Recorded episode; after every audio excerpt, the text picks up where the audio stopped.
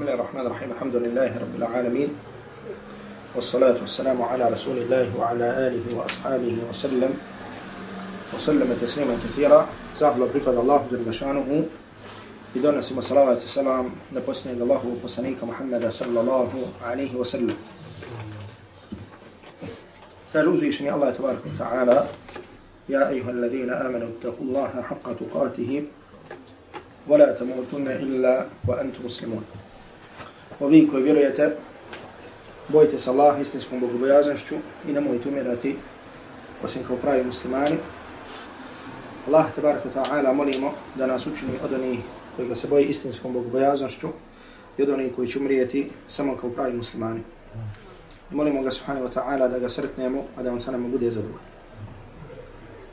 E, večeras ćemo za Allahu tabaraka ta'ala pomoć e, počet sa govorom o hađu. I to će biti tema nekoliko sljedećih naših predavanja. Znači, kažem, napominjem, u osnovi da znate da u ovom terminu se družimo sa hadisom Džibrila, znači družim hadisom u koji su pojašnjeni islamski, zatim imanski šartovi. E, I počeli smo sa govorom, odnosno komentarom na e, tog hadisa.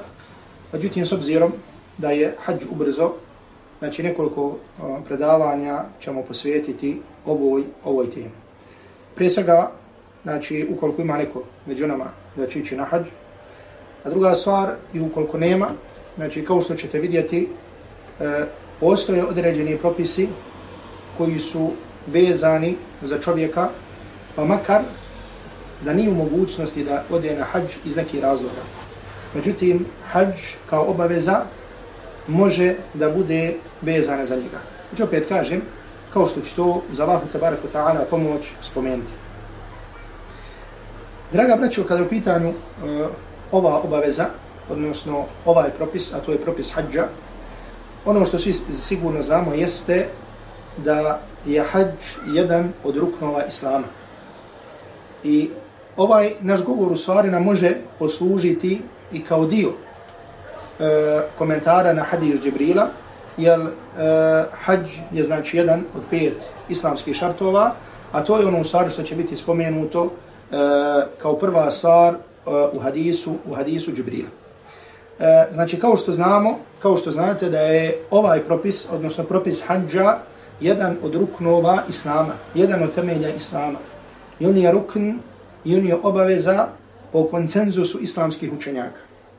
Znači, hađ je rukn i obaveza onome koje mogućnosti po koncenzusu islamskih učenjaka. I ne postoji razilaženje među islamskim učenjacima da je hađ obaveza i da je hađ rukn islama. Kao što su islamski učenjaci također složni da ona, da ona osoba koja negira hađ, da takva osoba postaje nevjernik.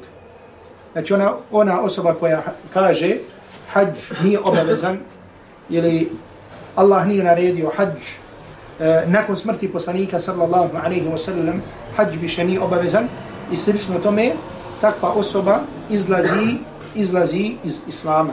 Takva osoba izlazi iz islama. Kao što su islamski učenjaci također složni da ona osoba koja može da obavi hađ, a ostavi obavljanje hađa i umre kao takva, da je takva osoba, da je takva osoba veliki griješnik. I došao je veliki broj hadisa u kojima se govori o opasnosti ostavljanja, odnosno opasnosti i o grijehu one osobe koja zanemari, koja je zanemari ovu, ovu islamsku dužnost. Kada su, s druge strane, pa u pitanju dokazi koji govore o obaveznosti i o vrijednosti, prije svega imamo ajet gdje uzvišeni Allah tabarak wa ta'ala kaže وَلِلَّهِ عَلَى النَّاسِ حَجُّ الْبَيْتِ مَنِ اسْتَطَاعَ إِلَيْهِ سَبِيلًا Ljudi su obavezni Allaha radi da obavljaju hađ ukoliko su mogućnosti. Ljudi su Allaha radi obavezni da obavljaju hađ ukoliko su šta? Ukoliko su u mogućnosti. Također je došlo u hadisu koji zabilje žima Bukhari muslim u svojim sahihima od Ibn Umara radijallahu ta'ala anhu da Allahu poslanih sallallahu alaihi wa sallam rekao bunijel islamu ala hamsin da se islam temelji gradi na pet stvari pa je od toga spomenut hađ kao što je također došlo u hadisu Džibrila, gdje je e, poslanik sallallahu alaihi wa sallam, znači rekao, odnosno gdje je hadisu kom je spomenuto, da je hađ jedan od pet islamskih ruknova, odnosno šartova. Također, u sunnetu Allahovog Rasula sallallahu alaihi wa sallam nalazimo veliki broj hadisa u kojima se govori o važnosti, odnosno veličini i uzvišenosti ovoga ibadeta. Pa je tako zabilježio imam Bukhari muslim u svojim sahihima od Ebu Hureyre radijallahu ta'la anhu da Allah poslanih sallallahu alaihi wa sallama jedne prilike bio upitan koje dijelo je najbolje. Pa je rekao imanun billahi wa rasulihi. Iman, odnosno vjerovanje u Allaha i njegovog poslanika. A zatim je rečeno poslaniku sallallahu alaihi wa sallam, a šta poslije toga? Pa rekao al džihadu fi sabilillah, Borba na Allahovom putu. Pa mu je bilo rečeno, a šta poslije toga? Pa je poslanik sallallahu alaihi wa sallam rekao, hađun mabrur. Hađ koji je mabrur. Znači, hađ kod nas se prevodi kao primljeni hađ, odnosno hađ koji je primljen i koji je učinjen, koji je učinjen bez prestupa. Također je došlo, također hadis isto, također zabilježio Buhari muslim od Abu Hureyre, radijallahu ta'ala anhu, da Allahu Rasul sallallahu alaihi wa sallam rekao, men hađa falam jarfuth walam jafsuk.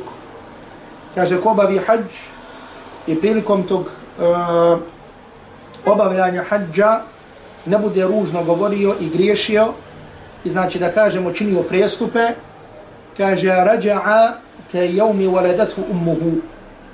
Znači, vratit će se kao na dan kada ga je rodila njegova majka. Vratit će se kao na dan kada ga je rodila njegova majka. Znači šta ovo ukaziva? Ovo ukaziva, opet kažem, na veličinu i uzvišenost ovog ibadeta. A to da je došlo na jeziku Allahovog miljenika Muhammeda sallallahu alaihi wa sallam, da onaj koji obavi hađ onako kako treba, znači misleći beznamjerno da čini neki prijestup, zatim da se kloni griješenja, da se kloni novotarije, da se kloni rasprave i tako dalje, vratit će se, odnosno taj tak, takav hađ, je uzrok da se potpuno brišu njegovi grijesi. Pa je došlo znači u hadisu kaj je umje voladethu ummuhu kao na dan kada ga je rodila majka. A majka kada rodi dijete, znači kako to dijete bude, na što se misli, znači rodi ga bez, rodi ga bez griha. Također u hadisu, koji je također zabilio žima Bukhari muslim, i također od Abu Hureyre radijallahu ta'la anhu, poslanik sallallahu alaihi wa sallam kaže, znači to je dio hadisa, u prvom dijelu hadisa se kaže umra do umre. Umra do umre je kaže kefarat ono što je između njih. A kaže wal hađu l mabrur lejsa lahu jazaun illa l jannah. A kaže hađ mabrur, odnosno primljeni hađ, za njega nije nagrada illa l osim jannat. Znači u ovom hadisu je došlo da je nagrada za hađ šta? Da je nagrada ništa drugo nego džannat. ovaj također hadis opet ukaziva nešto na uzvišenost ovoga ibadeta. Znači pogledajte, još jednom spominjem i ponavljam, u prvom hadisu je rečeno ko obavi hađ, znači vratit će se sa njega kao na dan kada ga rodila majka. To se neće imati grijeha. A u drugom hadisu se kaže, a ta, za takav hađ nije nagrada ništa drugo nego džennet. Znači u dosta hadisa se kaže nagrada je ovo kao da je učinio ovo, kao da je učinio ovo. U ovom slučaju ne. Ovdje radi uzvišenosti ovoga ibadeta se kaže nagrada mu nije ništa drugo nego šta? Nego džennet. I ovo se, znači samo ukratko da ukažem, ovo se odnosi, kako se, kao što se odnosi na hađ koji je farz, odnosi se na hađ koji je na fila. Znači šta to znači? Da neko ne bi pomislio ili postavio pitanje, da li ova nagrada za hađ koji je obavezan ili hađ koji je šta? Na fila. Jer može se desiti da čovjek prvi put ide na hađ. Znači nije prije toga obavio hađ. I kaže, dobro, da li je nagrada, ako obavim taj hađ kako treba, da li mi je ovo nagrada? Da, to je nagrada. Ako čovjek obavi drugi put, treći put, zatim poslije toga ide kao na filu. Znači, koliko je puta obavezno da čovjek obavi hađ? Jedan put. Znači, sve mimo toga je šta? Mimo toga je na fila.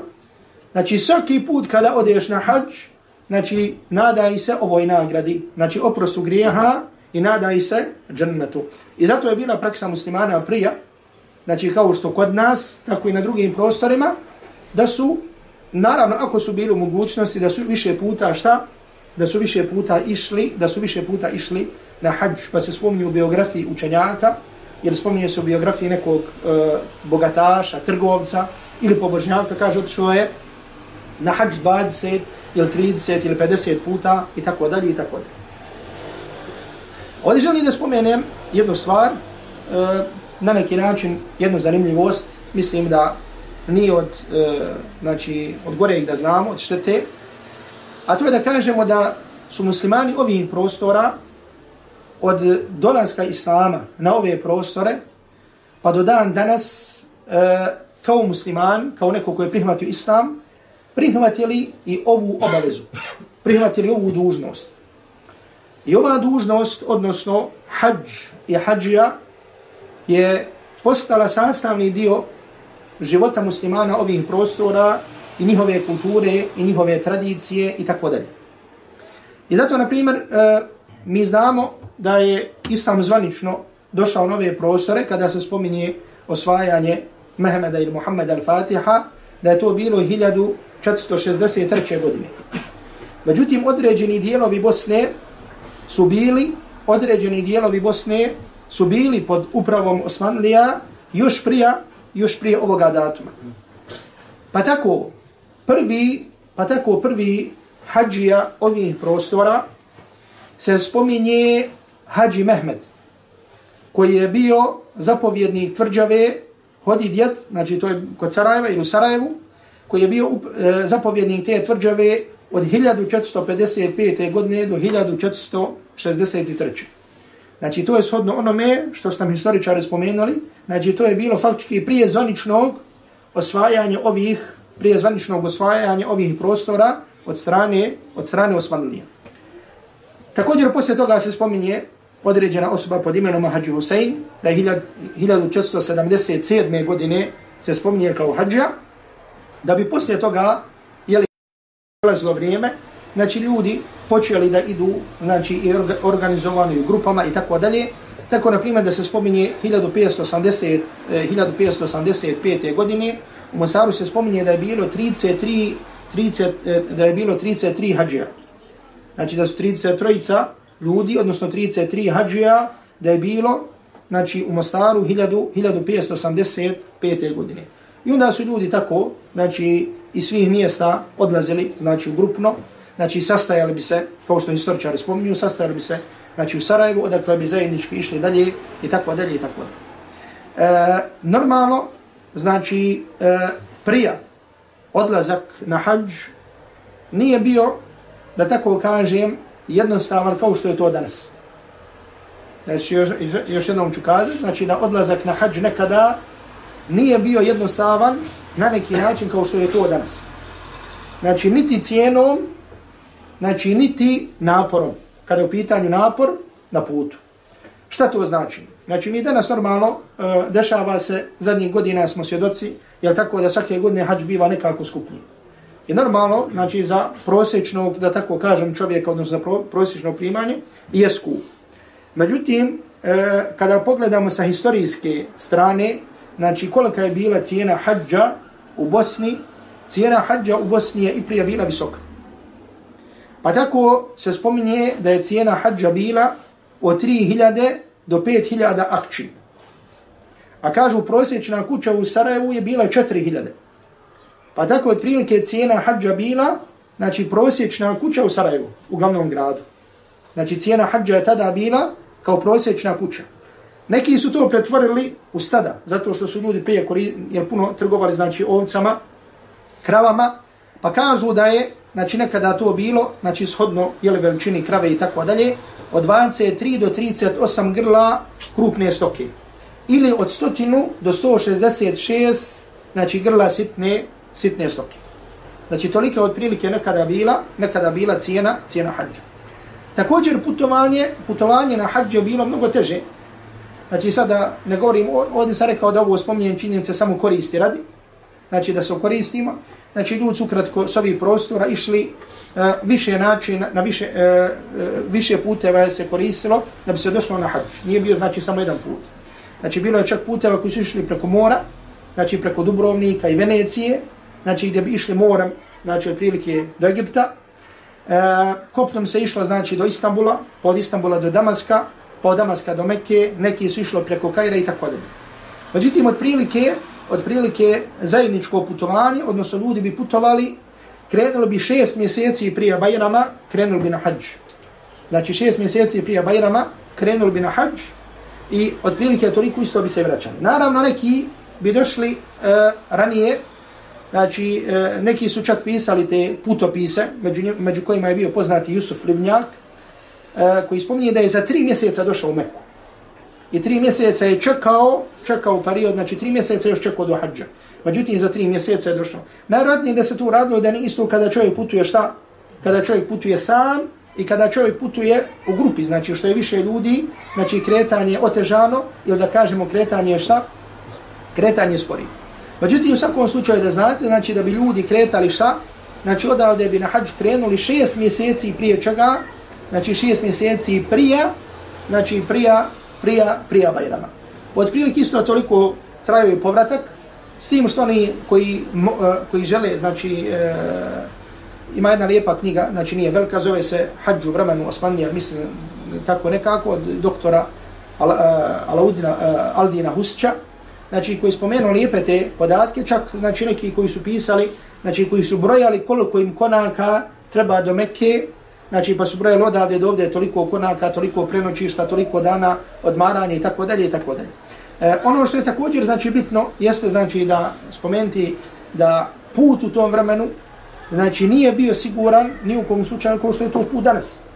I zato se spominju, znači spominju se rad, razni događaj, dogodovštine koji su se desili hađijama E, s ovih prostora znači kada su pitanju drumski razbojnici, čak kada su pitanju gusari, znači koji su jeli, e, razbojnici, znači koji bi e, brodovima ili čamcima, znači pljačkali ljude, tako da su također bili žrtve, znači tih događanja, znači da su hađi s ovih prostora bili. Međutim, opet pored svega toga, opet pored svega toga, znači najićemo na toliko, na toliko okazivanja, da kažem, i o tome ću možda drugi put nešto spomenuti, koja a, toliko e, kazivanja ili činjenica koja govori koliko su ljudi ovih prostora volili taj ibadet. Koliko su ljudi ovih prostora volili taj ibadet. Pa se tako, na primjer, prenosi i kaže, kaže da je čovjek prodao kuću kako bi otišao na hađ. Znači, spominje se kako je prodao kuću kako bi otišao na hađ. Također, često e, u vakuf namama ili vasijet namama, znači oporukama koje ostavi čovjek iza sebe, E, uh, najlazimo, nalazimo da je čovjek rekao da se za njega da se za njega obavi hađ. Znači kada umre da se za njega obavi, da za njega obavi hađ. Naravno tu postoji sada stvar koji ćete vidjeti iz onoga što ću spomenuti kasnije, znači iz, kada su pitanju preduslovi obaveznosti hađa i preduslovi obavljanja. Znači da se može desiti da musliman, ukoliko ima dovoljno imetka kod sebe, međutim nema mogućnost da ode, da ode u smislu da se desi da je bolestan ili da put nije siguran, E, učenjaci kažu da je tada obavezan da ostavi vasijat, odnosno da u oporuci spomene da se posle njegove smrti, ukoliko naravno u životu obavi hađ, da se posle njegove smrti hađ obavi. Znači da mu je to šta? Obaveza. I ukoliko umre bez tog vasijata da će umrijeti kao griješna, kao griješna osoba. E, međutim, ta stvar, još jedno želim da kažem, i ukažem jednu važnu i bitnu činjenicu, a to je, draga braćo, znači, što bi se desilo, bi čovjek prodao kuću ili da bi ostavio vasijet, znači, to ukaziva koliko su ljudi volili taj ibadet. I ljudi su volili taj ibadet kada tada, kada je trebalo šest mjeseci da dođeš do tamo. Onaj koji je bio na hađu ili koji je bio na umri, zna šta, se, zna šta znači da se čovjek vozi u autobusu koji ima klimu kroz onu vrućinu i žegu Saudijske Arabije. Jel da kažemo arapskog svijeta. Znači u ljetu da se voziš kroz onu, pa makar imaš klimu, međutim nekad treba izaći, treba ovo, treba ovo, znači nije čovjek jednostavno. Zamislite kako su ljudi prije. Znači nisu imali klima, nisu imali auta, nisu imali vozila.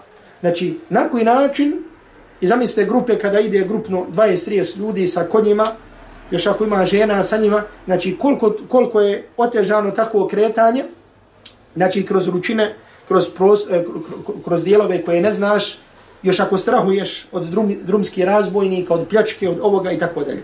Međutim, pored svega toga, ljudi su imali šta? Ljudi su imali ibadet, ljubav prema to ibadetu i ljudi su imali želju prema tom ibadetu. I to je sada jedna, da kažem, baška stvar o kojoj čovjek treba i može da govori. A to je ljubav prema ibadetima. I zato uzvišeni Allah subhanahu wa ta'ala kada govori o vjernicima, njihovim osobinama i kada govori o njihovim stanjima kaže walakin حب ولكن حبب اليكم الايمان وزينه في قلوبكم وكره اليكم الكفر والفسوق والعصيان al kaže Allah je učinio da vi zavolite iman Allah je učinio da zavolite šta iman i da zavolite dobro djelo i da zavolite pokornost a učinio je da prezirete na vjerstvo i grešenje i zato od osobine vjernika nije samo da izvršava određene naredbe nego osobina je vjernika da kao što izvršavate naredbe, da prije toga volite te naredbe i da volite i badete. I zato vjernik ne samo da obavlja namaz u džamatu, on voli da obavi namaz u džamatu. Vjernik ne da daje zekat, vjernik voli da daje zekat. Znači njegove srce vliko kad se dadne zekat. Vjernik ne da voli davat sadaku, ne da daje sadaku, on voli da daje sadaku. Vjernik ne da želi da se kloni ovoga harama, nego on prezire taj haram. I taj haram nije u njegovim mislima.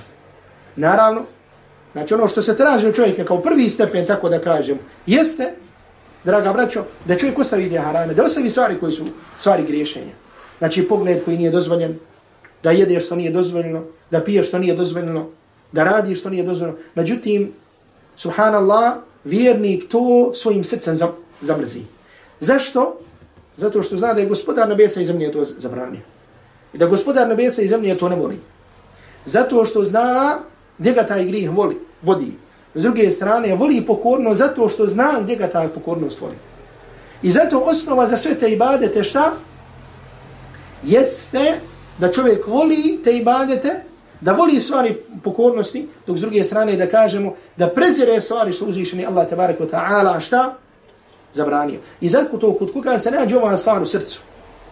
A srce je osnova I srce, kao što kaže islamski učenjaci, je poput emira, poput vođe, poput, poput vojskovođe, koji komanduje i koji komandira. Koji komanduje i daje komande. A vojska se pokorava tome. A ko je vojska srcu? Njegove oči, njegove uši, njegova usta, njegove noge, njegove ruke.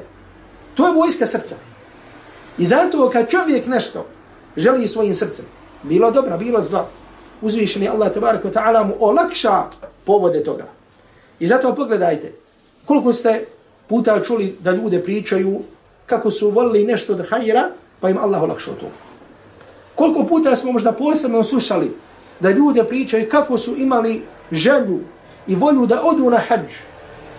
Međutim, bili su potpuno daleko kada je u pitanju ta, potpuno daleko toga kada je u pitanju imovinsko stanje i materijalna strana, međutim, uzvišeni Allah subhanahu wa ta'ala im je olakšao. Jer vjernik, kada voli neki ibadet, kada voli neku stvar, uzvišeni Allah subhanahu wa ta'ala mu olakša činjenje, činjenje tog ibadeta. I zato, s druge strane, da se dotaknemo, draga braću, Allah i Rabovi, vjernik, njegova manština i njegova unutrina trebaju da budu jednaki. jednaki. Ne može čovjek se kloniti harama, a u svom srcu tešti ka tom haramu. Znači, to je jedna stvar koja je opasna za čovjekovo srce, za čovjekov iman, za čovjekovo stanje. A to je da radiš neku pokornost, međutim da osjećaš neki prezir prema tome. Ili s druge strane, da ostavljaš neki haram, a da težiš za njim. Ili da ti je žao zato što nisi taki i taki. Da želiš da budeš poput ljudi koji čine ta i taj haram. Da Allah tabaraka ta'ala od toga sačuva, od tog musibeta. Znači to je musibet srca. I zato vjernik moli Allaha subhanahu wa ta'ala da očisti njegovu dušu, da očisti njegovo srce i moli Allaha subhanahu wa ta'ala da njegova unutrina, unutrina i njegova niština budu jednaki. I zato molim Allaha subhanahu wa ta'ala da naša djela očisti od svega onoga sa čim on subhanahu wa ta'ala nije zadovoljan i molim ga subhanahu wa ta'ala da naše duše, da naše duše očisti. E, ono što je bitno također da kažem i da spominjem jeste da islamski učenjaci kada su govorili o tome ko je obavezan da obavi hađ. E, opet ću se ovdje malo dotaknuti stručne terminologije i termina. Mi na tome nećete zamiriti. Međutim, ovo smatram, e, spominjanje ovoga smatram i tekako važnom i bitnom stvari, zato što ćete vidjeti da je za ovo vezana jedna velika greška kod našeg svijeta kada je u pitanju ovaj, kada je u pitanju ovaj ibadet. Islamski učenjaci, kad su govorili obaveznosti hađa, spomenuli si dvije stvari, odnosno dva termina. Jedan termin je šurutu l'uđub, a drugo je šurutu edail hađ. Znači preduslovi obaveznosti i preduslovi obavljanja. Šta to znači? To znači da određene stvari ako se nađu, tebi hađ postaje obavezan. Znači ako se određene stvari te nađu, na primjer kod mene, kod osobe koja se zove džavad, džavadu je hađ obavezan. Ako se te druge stvari nađu kod mene, obavezan sam da odem na hađu. Znači vidjet ćete šta je razlika između. Ove prve stvari koji islamski učinjaci nazivaju šurutul uđub, preduslovi obaveznosti, su prvo islam. Znači da čovjek bude šta? Musliman. Jer nijedan ibadet nije validan od koga? Od nevjernika. Od onoga koji nije posvjedočio i rekao la ilaha illallah muhammadu rasulullah. Jer rekli smo iz ovoga vidimo, znači iz onoga što islamski učenjaci, pravnici često spominjaju od raznih propisa, ponekada vidimo važnost ili bitnost određenih stvari. Pa tako, na primjer, svaki ibadet, kada se spomene, učenjaci kažu da je uslov toga šta? Islam. Namaz, znači ne može, može osoba koja je nemusliman obavljati namaz? Ne može. Davati zekat? Ne može. Obavljati hađ? Ne može. Znači, i zato iz svega toga se vidi šta? Važnost i bitnost šehadeta la ilaha illa la muhammadu rasulullah. Jer danas, pogotovo u vremenu, koliko vidimo ljudi koji su nemuslimani, dođu ispred džamije, lijepa džamija, vidi čistotu neku, ne samo čistotu materijalnu, nego vidi čistotu Allahove te kuće. Pa vidi ljepotu abdesta, vidi ljepotu ovoga, vidi ljepotu ovoga. I nekada čak vidite, vidite kako uđu i čine seđdu, hoće da učine seđdu, ima potrebu za seđdom. Međutim, kogod želi nešto tako kažemo, moraš prvo reći la ilaha illallah muhammedu rasulullah. Znači, jer sva ova vjera, propisi ove vjere, svi su došli, tako da kažemo da čega, radi la ilaha illallah muhammedu rasulullah. I zato vidite kolika je važnost i bitnost da ljudima pojašnjavam ispravnost vjerovanja. Druga stvar je sloboda, znači da čovjek bude slob, da ne bude rob kao što je nekada bilo. Zatim sljedeća stvar da osoba bude razumna. Znači osoba koja je iskušana, znači koja je bolesna, tako da kažemo, znači, e, znači čiji razum nije zdrav, takva osoba nije obavezna da ode na hađ. Također punoljetstvo, znači hađ nije obavezan osim osobi koja je šta? Punoljetna. Rekli smo više puta što znači punoljetstvo i da to nije 18 godina nego islamu, znači da je to manji. Znači određene pojave prirodne ako se pojave, ako se nađu osoba postaje punoljetna, ako ne, znači nastupanjem 15. godine osoba postaje punoljetna. E, međutim, ako bi dijete obavilo hađ, je to validno? Znači, validno je da dijete koje je maloljetno obavi hađ i onaj koga je poveo imaće za to nagradu. Međutim, kada to dijete postane punoljetno, obavezno mu je šta? Opet da obavi hađ. I to je po koncenzusu islamske učenjaka. Također vrijeme, znači da to bude u mjesecima hađa i također da se te stvari nađu u mjesecima hađa, znači sada neću opširno o tome govoriti, I sljedeća stvar e, što učenjaci kažu, e, u stvari, e, poslije te jeste znanje. A to je da čovjek zna da je hađ obavezan. Međutim, ovdje učenjaci napomnju i kažu da li može da se desi čovjek da zna, odnosno da ne zna da mu je hađ obavezan. Kažu, ukoliko čovjek živi u muslimanskoj sredini, nema opravdanja u tom neznanju.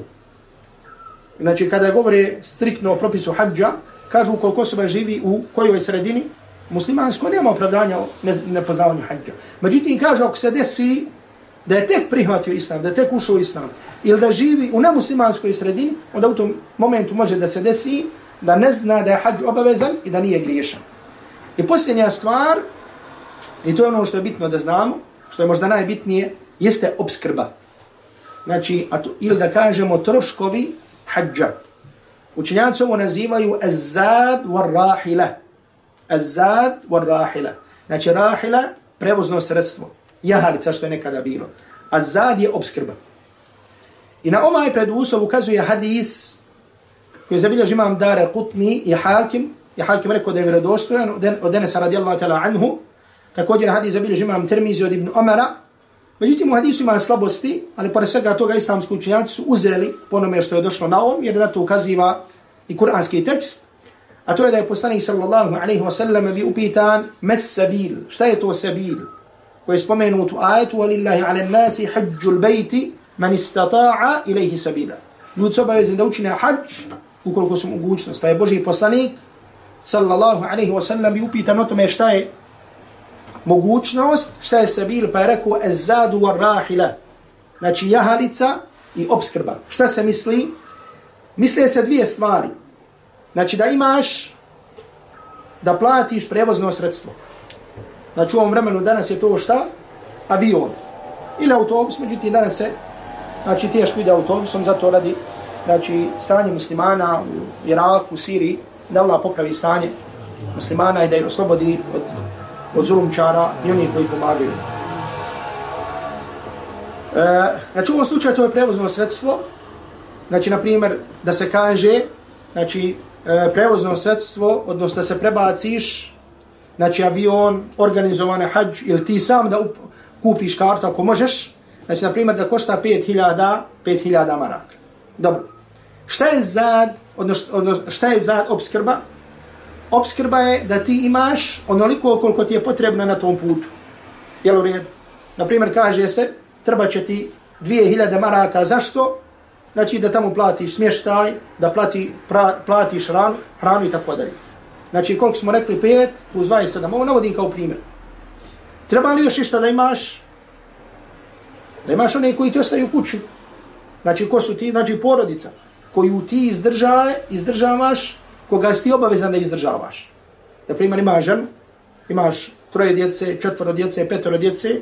Dobro, ta porodica, da njih izdržavaš, koje vrijeme? Vrijeme dok ti odeš i dok se vratiš. Na primjer, da njihovo izdržavanje košta hiljadu maraka. Znači, kod sebe imaš, znači, pet ti treba za karte, dva ti treba još za dole, to je koliko? Sedam. I još ti treba hiljadu za porodce, to je koliko?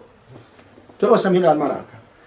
Dođe čovjek ima ušteđevine des hiljad maraka, ili obavezno dode na hađ? Obavezno dode na hađ. Obratite pažnju još jednom ovdje.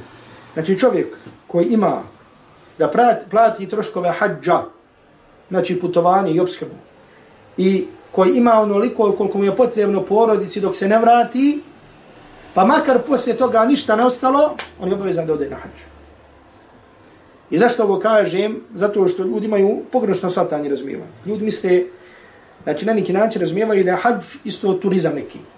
Znači isto otići, neko ode na more, neko ode, neko ode na hađ. Znači s jedne strane možemo reći da je hađ turizam. Znači toliko koristi, menafija, o kojima Kur'an govori, znači prilikom hađa, ali dozvoljno da čovjek trguje, dozvoljno. Znači čovjek vidi koristi, znači susretne se vidi ulemu, učenjake prije svega, vidi šta, vidi muslimane iz raznih dijelova svijeta. Znači sve se to koristi. I zato su ljudi prije pisali putopise, kada bi išli, kada bi se vraćali, prije bi bilo puno zanimljivije. Znači, valja ti šest mjeseci do tamo, šest mjeseci vamo, se vrati i vidiš svega i sačega. Jel je dobro. Međutim, ljudi misle, e, eh, ja moram, znači, imat ovako auto, imat onako auto, moram imat ovo, znači, kad se vratim da mogu, dok mi melek smrti ne dođe da živim, e onda kao skaže da odem na hađu. Znači nije tako. Danas su ljudi, znači da kažem, da ne kažem bolesni, odnosno bolesno zaokupirani tom svojom egzistencijom, to jeste da osiguravaju egzistenciju. Pa kaže neka, neka, nemoj, kaže, više ima djece, kaže, treba je toj djeci plati, kaže, knjige za škole, treba ovo, treba ovo, laj, laj, laj. Znači, za ljudi danas tako ne pričaju. Kaže, ima dvoje, troje djece, moj ti ili moja ti, ko će mu platiti ovo, ko će mu platiti ovo, ko će mu platiti ovo. Dobro, čovjek da Muslima se trudi da zaradi i da ima. Allahu poslanika alaihi salatu wasalam je bio trgovac. Allahu poslanik alejhi salatu vesselam nas je podučio, podučio da je najbolja zarada i nafaka koja koju čovjek zaradi svojim rukama. Međutim, s druge strane, vjernik ne strahuje na ovakav način, se boji za nafaku. Hamdla djece što je više više beričeta. Allah će dati nafaku, Allah daje beričet. Međutim, ljudi u čijim srcima nema imana ne razumiju tu stvar beričet, što znači. Nikad kaže čovjek Allah daje nafaku, Allah daje beričet, Allah daje ovo, ljudi to ne razumiju. Međutim, razumije ona je čije srce predano Allahu subhanahu wa ta'ala. I zato učinjaci kažu, pogledajte, kroz to možete vidjeti šta? Oslonac na Allahu subhanahu wa ta'ala. Jer i rad, i posao, i trgovina, i zarada je oslonac na Allahu subhanahu wa ta'ala. Ja sećam jednog mog šeha koji mi je rekao, riječ koju smo ostale neka urezane. Kaže, trgovina, kaže, to je tahqiqu tevhid. To je, kaže, stvarivanje tevhida. To je, kaže, osnovnost Allaha, nada u Allaha, tu je ovo, tu je ovo. I to je istinu tako. I zato vjernik se trudi, radi, ide, zarađuje. Međutim, ne strahuje, ne strahuje da faki. Bio je rat, pa hvala Allahu, nismo vidjeli ljudi da, ljude da pasu travu. Znači, bilo je tako teško, međutim, opet se nekako izalaze. Allah subhanahu wa ta'ala daje nafaku, ali Allah je nam je naredio da radim i vjernik se radi i trudi. I zato kroz ovaj propis vidimo. Znači, ako imaš kod sebe, još jednom ponavljam, para, toliko, znači da šta, normalno nećeš ubra, ubrajati one stvari koje su ti potreba. Naprimjer, čovjek ima auto za koje ima potrebu, znači koje koristi, u to ne uračunava. Znači imaš, na primjer, šta? Imaš halat, imaš ovo, ima, ne uračunavaš, znači, vrijednost toga, nego računaš šta? Znači, koliko ti je potrebno da odeš, da se vratiš i da ti šta? Familija ima. Ako imaš toliku vrijednost, toliku vrijednost, obaveza ti je da uplatiš hađi da odeš na hađ. I hađi je šta? Obaveza. Znači, ne stvar koja je šta ono, i zato koje greške vidimo ovdje kod poimanja ljudi, kaže čovjek, neka nisam ja još za hađa. Znači, misli čovjek da još zaradi, da zaradi, da zaradi, ono, ono, znaš, hajde, kod 2,5% u zekijat, e, od toga ću ti od toga ću ne Allah i robovi. Znači, hađi i ibadet, koji nam je naređen isto oko post, isto oko zekijat i tako dalje. Druga stvar, kad kaže čovjeku hađi, hajde čovjek imućan, stoji, kaže, ma nisam ti jaju za hađa. Što ma kaže, imam ovih grijeha, imam ovih grijeha, ima... Allah ti je naredio da se kloniš, kloniš grijeha, pa i bez hađa. I sa naredbom hađa, i mogućnost obavljanja hađa, i na mogućnosti, Allah ti je naredio da se šta? Da se kloniš ti grijeha. Međutim, i zato se dešava problem da, da ljudi ostave hađ kad ostare. E, kaže, sad bi mogu razmišljati za hađ. Znači, hađ nema nikakve veze sa starostnom dobu. Znači, nikakve veze nema sa tim. Međutim, znači, što je to uvuklo su narod da ljudi idu na hađu stari, da je problem radi neispravnog svatanja čega ovoga. Međutim, to je radi svatanja običnog svijeta. Znači, učenjaci, ulema i moderni se ovih prostora su ovo ukazivali. I zato ako pogledamo ove čitabe u knjige, u govor obaveznosti hađa, vidjet ćemo da je onako, znači kako sam, kako sam ja ovdje spomenuo. Druga stvar jeste šurutul ada, odnosno preduslovi e, obavljanja, znači izvršavanja toga, a to je da čovjek bude zdrav. Znači da čovjek bude zdrav u tijelu. Znači može se desiti da čovjek ima sve ovo prijedno spomenute. Znači ima mogućnost, musliman je, punoljetan je, međutim čovjek je takvog zdravlja da ne može da ode na hađu. Na primjer, čovjek boluje da Allah tabaraka ta'ala sačuva od ove ili od one bolesti i ne može da izdrži put. U, tak, u tom slučaju šta ćemo reći tom čovjeku? Je li mu obaveza hađ? U osnovi jeste. Međutim, može li da ode? Ne može da ode. Šta je njegova obaveza sada? Njegova obaveza sada je samo da napiše vasijet da kad presali da se za njega obavi hađ. Da se obavi kako? Bedelko što ljudi kod nas kažu. Da neko za njega ode na hađ. Jer je to ibadet gdje je dozvoljeno da neko za nekog obavi taj ibadet. U osnovi za zdravu osobu ne. Međutim, za umrlog ili za bolesnog da. Kasnije ću spominjati nešto o ome, međutim u hanefijskom mezhebu nije obaveza obaviti hađ za umrlog osim ako ostavio vasijet. Ako nije ostavio vasijet, nije obaveza obaviti hađ za njega. Mada džumhur uleme kaže, kada čovjek umre, iz njegove ostavštine će se izvaditi novac da se obavi hađ za njega, ukoliko nije obavio hađ, a bi obavezan da obavi hađ, pa se onda njegova imovina raspodijela. Međutim, učinjaci hanefijskog mezheba kažu ne, znači bio je oba, jedino ako je ostavio vasijet, onda je obavez. I zato znači mora da čovjek bude zdrav. Zatim da ne postoji zapreka. Naprimjer, učinjaci kažu, znači ako je čovjek, naprimjer, e, u zatvoru, zatvore, ne može da ode, znači u tom slučaju također mora da učini vasijet. Također sigurnost puta. Naprimjer, desi se čovjek zdrav. E, sve u redu, međutim, naprimjer, put da dođe do hađa nije siguran. Znači, ovo se pogotovo prije dešavalo. Znači, kada bi, na primjer, neki razbojnici zavladali nekim dijelovima i tako dalje, znači, kao što se desio slučaj e, keramita, znači, kad jedna sekta ušla, znači, slučaj koji su sekta, šiitska, Allah je ponizio, kad su ušli i uzeli Hajarul esved, Znači učinjaci kažu, koliko se sjećam, ako ne grešim, znači, e, da se te godine nikako hađ nije obavljao. radi toga, radi velikog broja muslimana koji su pobili kada su zavladali, čak su izradili Hajarul esved onaj, iz Kabe i tako dalje. Tako da je sigurnost puta, znači od ove vrste, od ove vrste stvari koje su obavezne.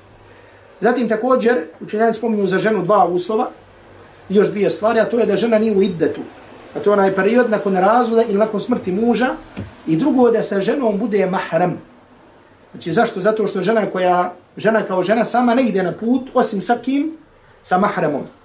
I tako ukoliko bi se desilo da žena nema mahrama, znači nije u osnovi obaveza da ode, čak se više i grijeh da ode bez mahrama, ako bi otišao hađu bi bio ispravan, međutim, znači kod žene dodajemo znači postojanje mahrama, znači znate što je mahram osoba, znači sa kojom ona ne, ne može slupiti u brak, znači, znači koji može vidjeti, na primjer, otkrivenu, koji smo sa njom rukova, tako da je, znači, o tome smo, o tome smo, o tome smo govorili. Dobro. Znači ono što je najbitnije, uh, Allahovi robovi, znači u ovom slučaju jeste da znate, znači da je hađ ibadet. I vidjeli smo, vidjeli smo koliki ibadet i koji ibadet, kolika je nagrada.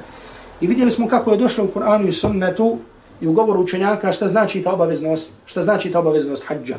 Znači da nije to kao što veliki broj ljudi, kao što veliki ljudi, veliki broj ljudi to poima. I zato, znači, i samim tim što čovjek nauči ove stvari, znači sigurno da će imati priliku sutra da nekoga poduči, da nekome prenese i tako dalje. Allah tabaraka ta'ala moli da nas smili da oprosti. Inša i ta'ala sljedeći put ćemo nastaviti sa uh, govorom, govorom o hađu. Kao što sam kazao, znači, eh, uh, nadam se, ja molim Allaha da svima nama olakša hađ i da obavimo hađ i da učini da nas, naša srca budu vezana za ta mjesta. Znači, mjesta koja su haram, znači, koji su odabrana, a to je Mekka i Medina. I čak da nam učini mogućnost i olakša i posjedu Mesjidul Aqsa i Kudsu. Zato što je to također haram.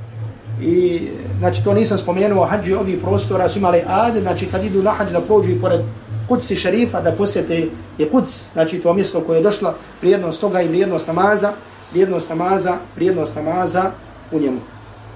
Sallallahu ala Muhammedin wa ali wa sahbihi wa sallam wa sallam tasliman kathira. Koji mislim da je e, da je važno i bitno, znači spomenut ću ukratko. To sam spomenuo E, međutim, neka vraća su rekla, zatražila tu stvar ponovimo. To smo spomenuli na dersu Bulubul Marama. Međutim, mislim da je stvar veoma važna i bitna kada u pitanju danas ova naša omladina, omladina koja se vraća Allahu i tabarak wa ta'ala vjeri, koja se vraća propisima i onome što je na redu uzvišeni Allah subhanahu wa ta'ala i što je došlo u sunnetu Allahu i Rasula sallallahu alaihi wa sallam. A ta stvar je, draga braćo, ostavljanja rasprave i raspravljanja i govora o ljudima. Znači, ako se vratimo na sunnet Allahovog miljenika Muhammeda sallallahu alaihi wa sallam, ako se vratimo na govor islamskih učenjaka, vidjet ćemo koliko je došlo o pokuđenosti rasprave. I ako bi rekao i ako bi kazao da rasprava ne dolazi osim sa nečim što je ružno i što je zlo, ne bi pogriješio u tome. Ono što je od najveće opasnosti rasprave jeste da rasprava uvede čovjeka. Naravno, prije svega u grijeh. Znači, koliko je u raspravi samo gibeta i koliko je u raspravi samo namimeta. Ne treba nam neko doći reći koliko je tu gibeta i namimeta. Samo zatvori oči i zamisli Bilo volio sa onim što si rekao prije pet minuta, da sad tim budeš, da sad tim budeš spušten u kabor. Sigurno da bi odgovor bio da ne bi volio. Međutim, ono što je od najvećih opasnosti rasprave jeste što rasprava čini da čovjek zapostavi kod sebe ono što je njemu bitno i ono što je njemu važno. I zato vam kažem, rasprava dolazi da odvrati čovjeka od onoga što je njemu bitno. I zato vidite ljude raspravljaju, pogotovo raspravljaju o ljudima. O tome ko je na pravom putu, o tome ko je u pravu, o tome ko je u me. Međutim, u istom to vrijeme, u istom to vremenu vidiš koliko je samom tebi, koliko je samo meni potrebno stvari da na njima radimo. I zato je osnova da jedan musliman ono što, da, tako da kažem, ono što o čemu ne razmišlja, što mu oduzima vrijeme, što obuzima njegov razum, jeste da razmišlja o svom ibadetu. koliko je odan, koliko je ispravan, koliko on odan u svom ibadetu, koliko je ispravan njegov ibadet.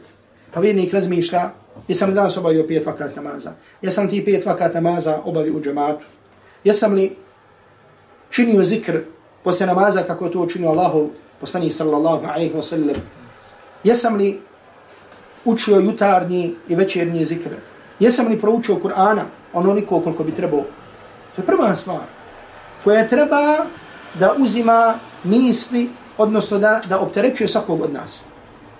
Druga stvar, da vidiš koliko si naučio. Zar može, zar može neko da voli vjeru Allaha subhanahu wa ta'ala i vjeru njegovog miljenika Muhammeda sallallahu alaihi wa sallam, a da ne želi u svakom danu da nauči nešto novo od te vjere. I zato pogleda, razmisli koliko si u tom danu poslušao nekog predavanja, pročitao nekoga, e, neke knjige, koliko si pročitao hadisa, naučio neki hadisa, naučio nešto od upute Allahovog poslanika sallallahu alaihi wasallam da to sprovodiš. Zatim Allahovi robovi, zašto čovjek da raspravlja o tamo nekome, a da zapostavlja one koji su oko njega? Za naši najbliži nisu najpreći da ustrajavamo da im pojasnimo Allahu tabaraka wa ta'ala vjeru. Da ne kažem naše roditelji, naše dede, naše nene i tako da. I zato opet vam ovdje skrećem pažnju i kažem da čovjek treba da je da treba da se kloni rasprave koliko može. Nema nikakvog hajra u raspravi. Da raspravljaš je li ovaj na pravom putu, je li ovaj pogriješio, je li ovaj ovo rekao, raspravljaš o fetvi ovoga, raspravljaš o fetvi onoga i tako dalje i tako dalje. I zato kao što je došlo u predajama, ko svoju dušu, kao što je došlo u govor islamskog učenjaka, ko svoju dušu ne optereti sa hajrom, ona će njega opteretiti šarrom. Onaj ko svoju dušu ne optereti sa dobrim, ona će njega opteretiti sa nečim, sa stvarima koji su zle. I zato sve što se ti više trudiš da opteretiš svoju dušu sa stvarima koji su hajr, manje ćeš imati vremena za te rasprave. I zato učinjaci kada govore o vrijednosti predavanja, o vrijednosti provođenja vremena, kad su pitanje predavanja, traženje znanja, čitanje, kažu zato što je to nešto što čovjeku koristi. I zato pogledajte samo kratki savjet Allahovog poslanika sallallahu alaihi wa sallam, gdje kaže šta? Ihris ala ma infaruk. Budi uporan ili teži ka onome što ti koristi. Znači ovo je, ovo je savjet Allahovog poslanika alaihi salatu wasalam, koji se može odnositi na svakog čovjeka. Kakva je god usmjerenja njegova bila, bilo onoga ko se posvetio traženju znanja, bilo onome koje je alim, bilo onome koji ljude podučava, bilo onome koji traži znanje, bilo onome koji je pobožnjak, bilo onome koji je trgovac, bilo... Šta kaže Allahu poslanik? I ihris ala ma infa'uk. Budi uporan ili teži ka onim stvarima koje ti koristi. Ono što ti ne koristi, znači kakve fajde od toga? Da trošiš svoje vrijeme za koji islamski učenjaci kažu da je vrijeme poput zlata. Pa kažu neki čak, ne kaže da je poput zlata, nego vrijedniji od zlata. Nema ništa vrijednije u čovjekovom životu njegovog vremena. I kako će čovjek to koristiti? I zato Allah mi robovi. Znači, vodite računa onome što pišete. Ovdje mislim na ovim društvenim mrežama. Onome što kažete. Onome u čega, u što drugog pozivate. Bili smo govorili, iskrećio sam pažnju na tome. Znači, danas pitanje društvenih mreža. I pitanje koliko ima na njima hajra, koliko na njima ima zla. Znači da kažemo da su to danas savremena sredstva, znači koji su ljudi koristili. Da kažemo osnovi da je to stvar koja je dozvoljena. Pored toga što ima stvari koji su zabranjene i normalno čovjek je svake stvari koje je zabranjene, koji god ka tome nužan da se toga kloni. Međutim, ako kažemo da čovjek koristi te društvene mreže, koristi društvene mreže u što? Znači u smislu da promovišeš ono što je hajr. Da ljudi, da širiš ono što je lijepo, ono što je hajr. Međutim, zašto danas, znači ljudi, nauče nešto malo od Allahove vjere, znači kao što se rekao, hoće da budu svakom luncu poklopac. Znači neće nešto rekao, morao nešto da napišne.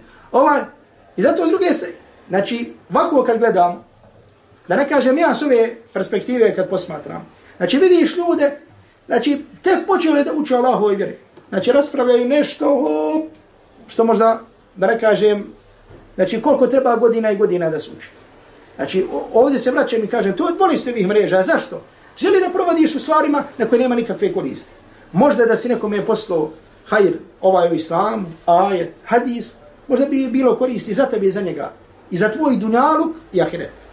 I zato svaka stvar, znači rasprava, ovakvi rasprava se klonite. Klonite se rasprava na društvenim mrežama. Širite ono što je hajr i zašto si siguran da ćeš imati nagradu na dunjaluke na ahiretu. U raspravi sa ljudima, u obhođenju sa ljudima, ponašajte se i odnosite se na najljepši način.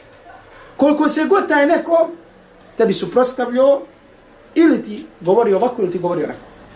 I zato bile se svjedoci kad smo govorili šta? Onom stihu. Ahsin ila nasi te sta'bid kurubahum.